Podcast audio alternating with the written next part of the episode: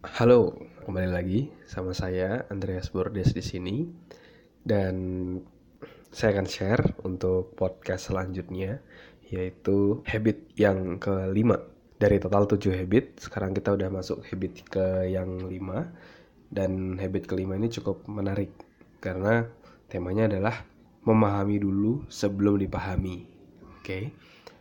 jadi kalau sebelumnya kita udah belajar tentang bagaimana prinsip win-win bagaimana bisa membuat orang lain win, kita juga win. Nah, sel prinsip selanjutnya yang harus kita terapkan agar kita bisa menjadi pribadi yang efektif adalah kita harus memahami dulu sebelum dipahami.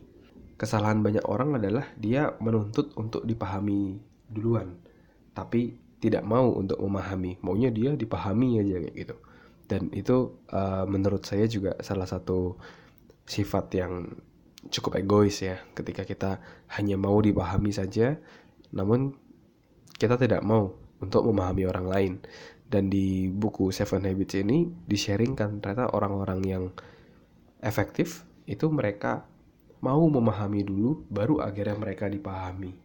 Karena kalau kita tidak mau memahami dulu kita langsung ibaratnya jam to conclusion jadi langsung kita membuat kesimpulan sendiri dari perilaku seseorang akhirnya yang terjadi malah konflik tadi semakin besar dan besar kayak gitu. Padahal kita kalau mau melihat dari sudut pandang mereka sebenarnya niat mereka baik kayak gitu. Mungkin caranya aja yang kurang tepat tapi sebenarnya baik. Ya uh, yang dilakukan uh, yang dia maksud juga sebenarnya baik. Tapi cuma dari kedua pihak nggak ada yang mau mengalah untuk melihat dari sudut pandang satu dengan yang lainnya ibaratnya itu seperti uh, misalnya anggap aja Anda bayangkan ada angka 6 yang satu adalah yang satu orang berada di sudut atas yang satu berada di sudut bawah angka 6 kalau misalnya prinsip seseorang ingin dipahami aja tanpa mau memahami satu sudut si A bilang ini adalah angka 6 bukan angka 9 tapi yang B kebalikannya ini angka 9 kalau dari sudut pandang ini ya gitu. Begitu terus nggak akan selesai. Malah jadi berantem kayak gitu. Kenapa? Karena mereka melihat dari sudut pandang masing-masing dan mereka sama-sama benar. Tapi kalau satu orang tadi nggak mau uh, mereka masing-masing nggak mau untuk pindah ke sudut lainnya untuk bisa melihat lebih jelas apa yang berada di uh, apa yang terjadi di sudut lainnya. Kita nggak akan pernah mengerti apa yang terjadi kayak gitu. Kita nggak akan pernah memahami. Maka dari itu penting untuk bisa memahami, memahami dulu dari sudut pandang mereka apa yang mereka maksud, apa yang mereka uh, lakukan, kenapa kok dia lakukan itu. Ketika kita sudah memahami, baru kita dipahami.